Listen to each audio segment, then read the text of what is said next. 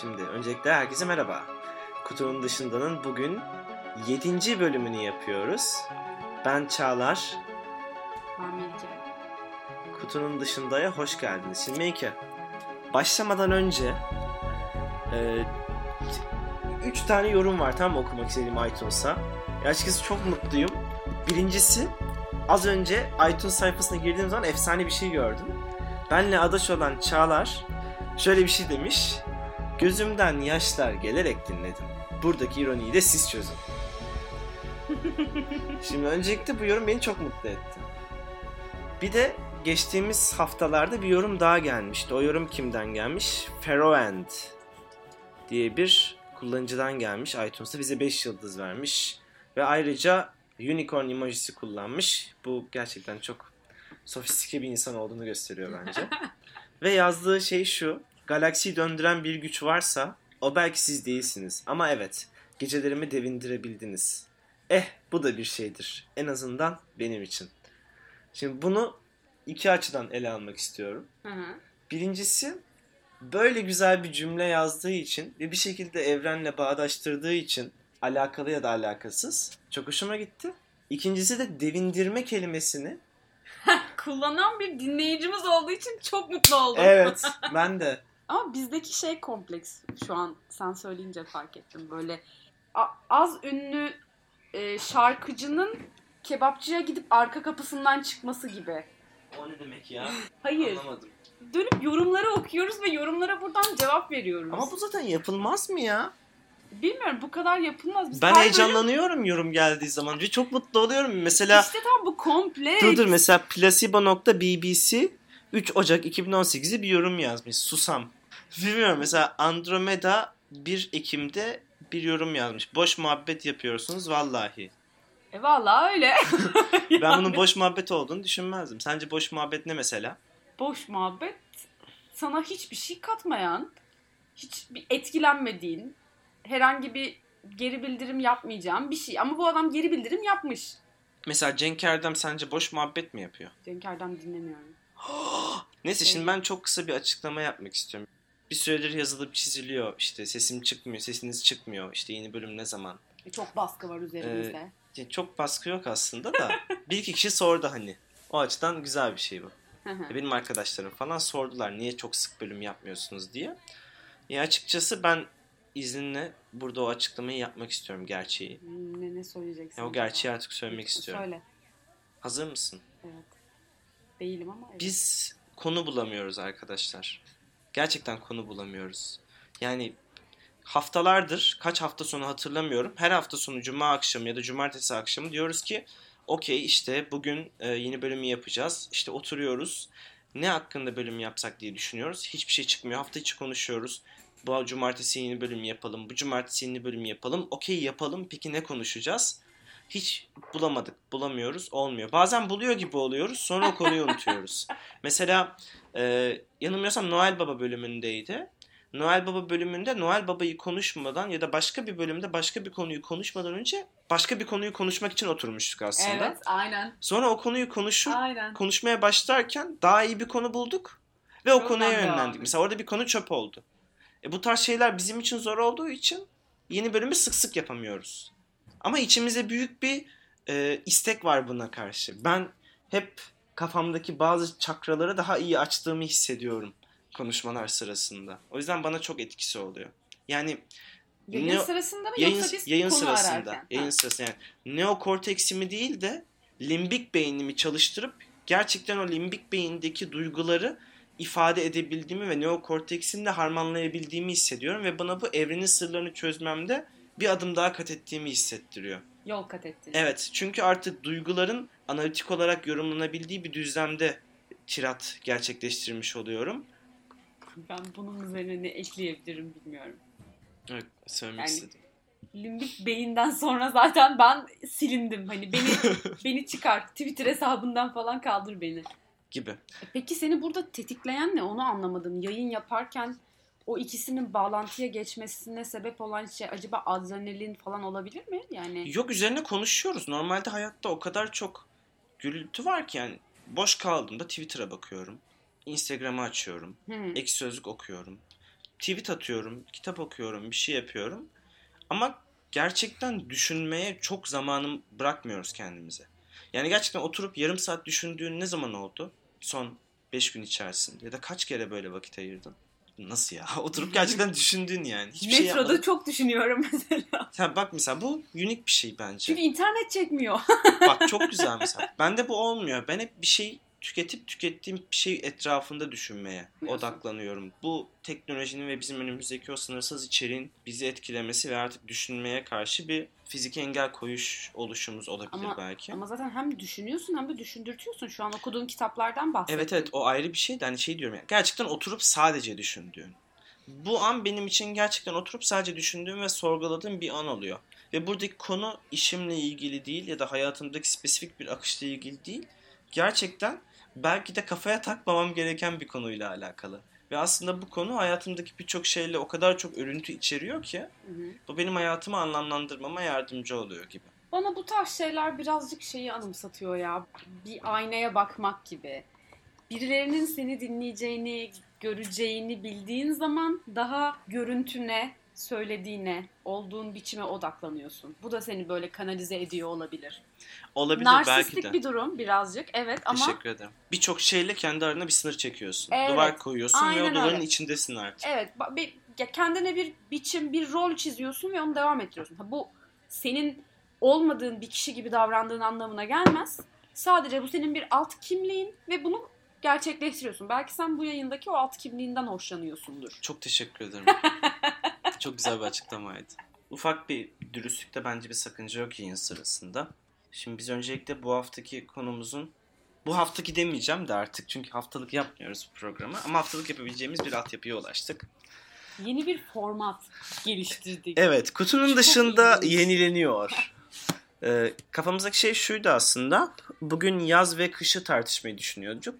Ancak tartışma çok saçma oldu. Çünkü kışın yani galip geleceği çok belli. Dolayısıyla biz dedik Hayır ki... konu o yüzden değil. Konu e, yaz şöyle, yaz böyle, kış şöyle, kış böyle. Evet, herhangi bir şekilde bir şey katamadığımızı, Evet üzerine bir şey katamıyoruz. üzerine bir şey koyamadığımızı fark edip o kısır döngüden sıkıldık. Aynen kısır döngüden sık çok güzel. Çok güzel özet. Bravo. Ve bunu birçok defa yaptığımız için ve konu bulmakta da zorlandığımız için ama daha çok podcast yapmak istediğimiz için yeni bir format deneyelim. Yankılandı sesin farkındasın değil mi? Bu yeni Apartman formatımızın boşu. adı da Kutunun dışında 2-0 artı eksi. Güzel. Bugün seçtiğimiz konu ne peki? Kararlarımızda özgür müyüz? Verdiğimiz, aldığımız bütün kararlarda. Hayır. Tek başımıza aldığımız kararlarda bile. Hayır. o zaman bölüm bitti. Görüşmek üzere. Tamam sen istersen başla. Benim bir ara yarım bıraktığım bir kitap vardı. Aslında oradan esinlendik diyebilirim. Rollo May'in Özgürlük ve Kader kitabı. Aslında konusu bayağı ilgi çekmişti ama böyle hani doğru zamanda denk geldiğin kitaplar vardır ya. Evet. Kesinlikle yanlış zamanda denk geldik bu kitapla. Hı hı. Çünkü vakit ayırmam gereken binlerce şey vardı ve gerçekten fokus olman gereken bir kitap. Ama ben olamadım. Ama savunduğu şeye kesinlikle katılıyorum. Bizim bugün 26 yaşında sabah evden çıkarken sabahtan akşama kadar tek başıma aldığım bütün kararların aslında benim kararım değil. Bunun böyle kümülatif olarak benim içinde doğduğum toplum, benim içinde doğduğum toplumun özellikleri, benim Aha. içinde doğduğum aile, benim ve benim birlikte çalıştığım insanlarla ilişkisi olduğunu savunan bir kitaptı. En özet haliyle. Çok güzel bir yaklaşım. Sen bu konuda mesela neler söylemek istersin?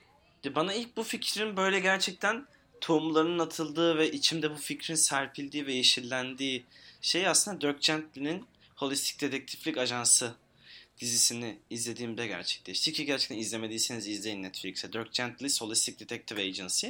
Aslında Douglas Adams'ın bir kitabı, ya birkaç kitabı, kitap serisi var aslında otostopçu gibi. Hı hı. Ve konusu kısaca şu. Belli özel yetenekleri olan Dirk Gently adında bir karakter var. Ee, Lütfen.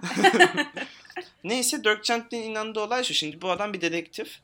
Ama gidip hiçbir zaman bir vaka bulmuyor. İşte bir vaka aramıyor. Yani biri bana gelsin de onun sorununu çözeyim gibi değil. Hı hı. Diyor ki ben hayatımı yaşayayım. Zaten bir şekilde vaka bana gelecek. Ben vakayla karşılaşacağım. Çözülmesi gereken bir şey ortaya çıkacak zaten diyor. Bu da yetmiyor. Onu bulduktan sonra da çözümü ararken hiçbir zaman işte ben bu vakayla ilgili bulgu arıyorum. bu vakayla ilgili bulguları e, çözmeliyim demiyor. Sezilerine güveniyor ve her şeyi akışına bırakıyor. Bir şey diyor ki her şey birbiriyle bağlantılıdır. Everything is connected. Onun lafı. E, everything is connected. Dolayısıyla ben ne yaparsam, neye, hangi ipucunu sürersen süreyim bir şekilde bu beni vakanın çözümüne ulaştıracaktır Hı hı. diyor.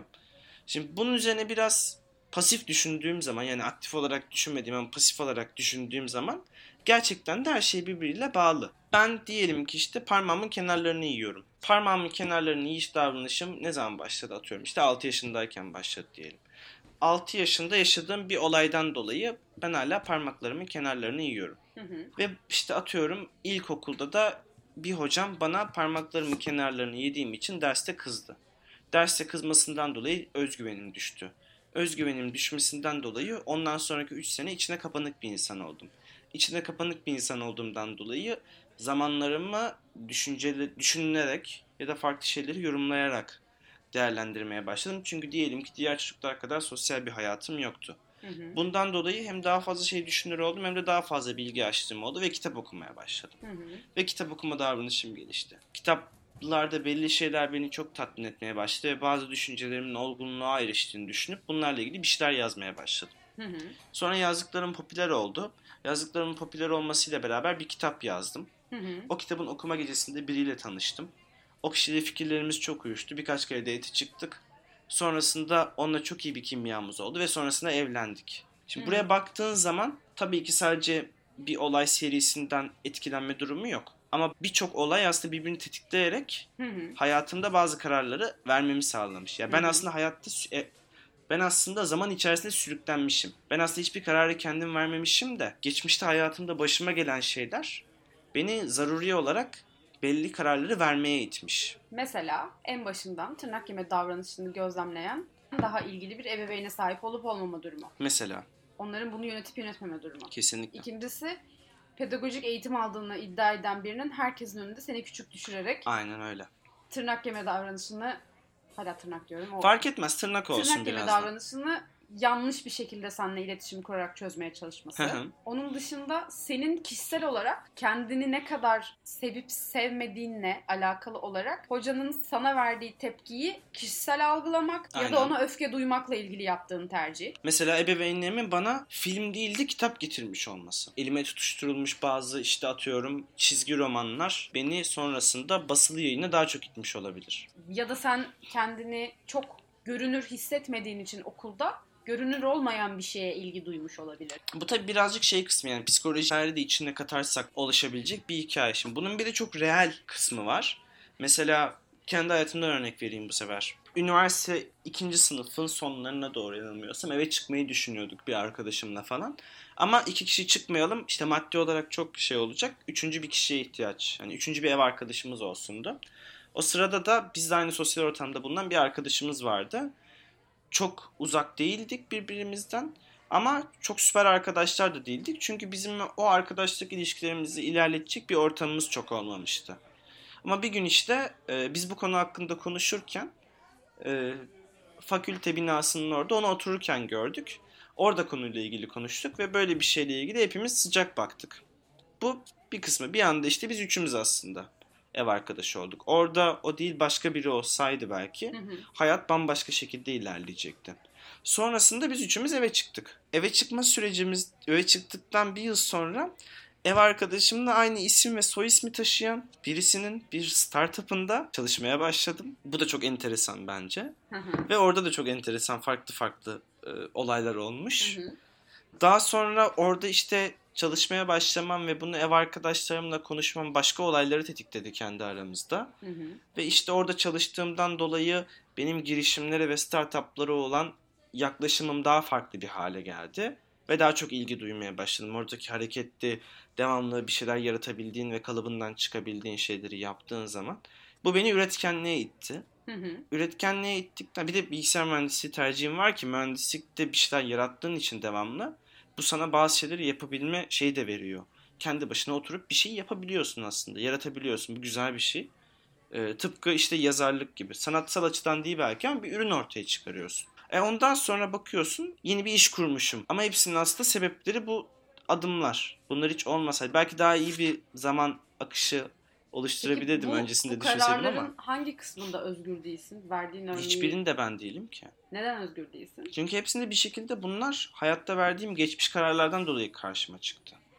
Bu geçmiş kararların da en temeline indiğimiz zaman benim vermediğim bir karar var. Bebeğinli benim olmama biz yeni bir çocuk yapalım kararını ermeselerdi hiç olmayacaktım. Onlar da onların ebeveynleri bu kararları vermeseydi ve aradaki milyonlarca karar onların çocukluk dönemlerinde yaşadıkları ve hayatlarına giren çıkan insanlardan dolayı kaynaklanmasa onlar ne bir araya gelecekti ne benim doğuma karar vereceklerdi ve tarihsel geçmişe baktığımız zaman Bütün yani suçlu şey mi? Havva mı? tabii ki o Kendini özgür hissediyor musun? E, bu düşünceye vakıf olduktan sonra hissetmiyorum açıkçası.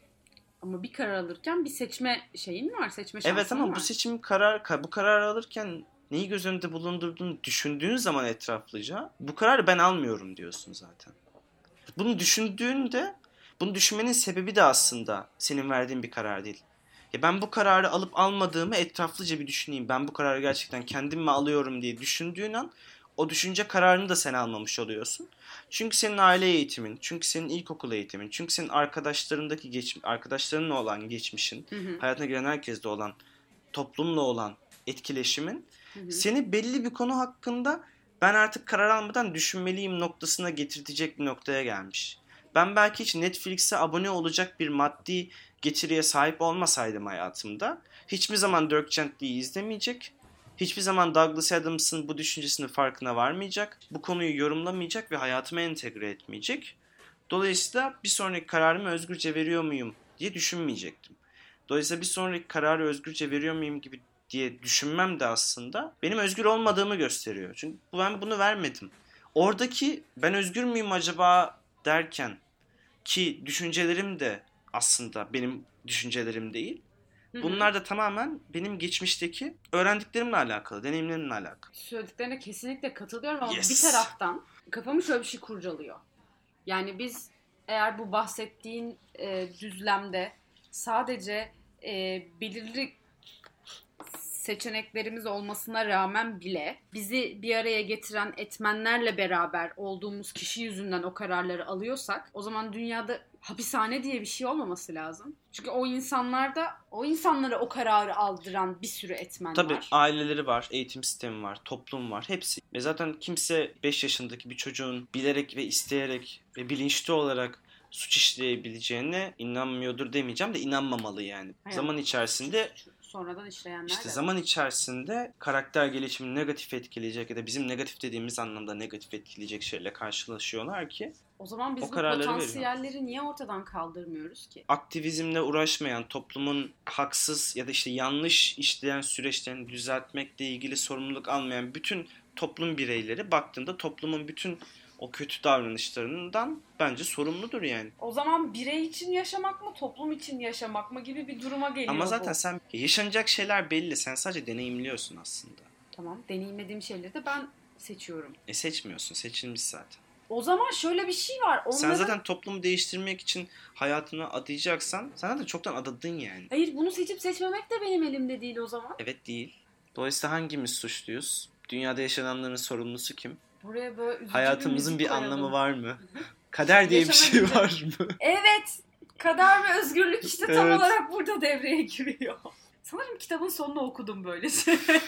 Hayat bir simülasyon mu? Black Mirror'ın da bir bölümünde hatırlarsın. Son sezonunda böyle bir bölüm vardı. Şey aslında dating Hangisi? buluşmaların başarı oranını ölçen bir algoritmada yaşıyorlarmış gibi. Simülasyonu izliyorduk biz aslında falan.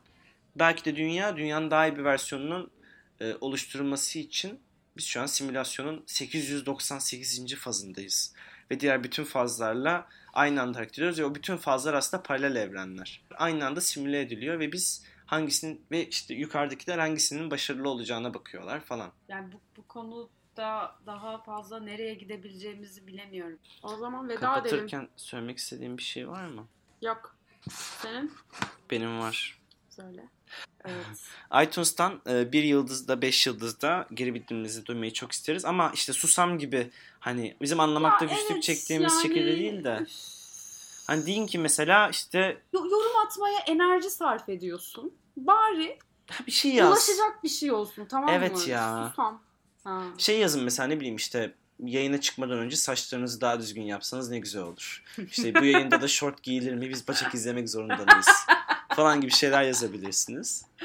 Ee, Mesela ya da Twitter'dan DM atabilirsiniz mesela. dişi tırnağa dokunsun. Aynen. Ama Twitter hesabımıza. Evet Twitter hesabımız da Kutunun dışında. evet et kutunun disinde Evet. adresinden bize ulaşabilirsiniz. Diyerek yayınımızı kapatalım o halde. Hoşçakalın. Görüşürüz. Kendinize iyi bakın. Bye bye. Her nerede yaşıyor ve yaşatılıyorsa.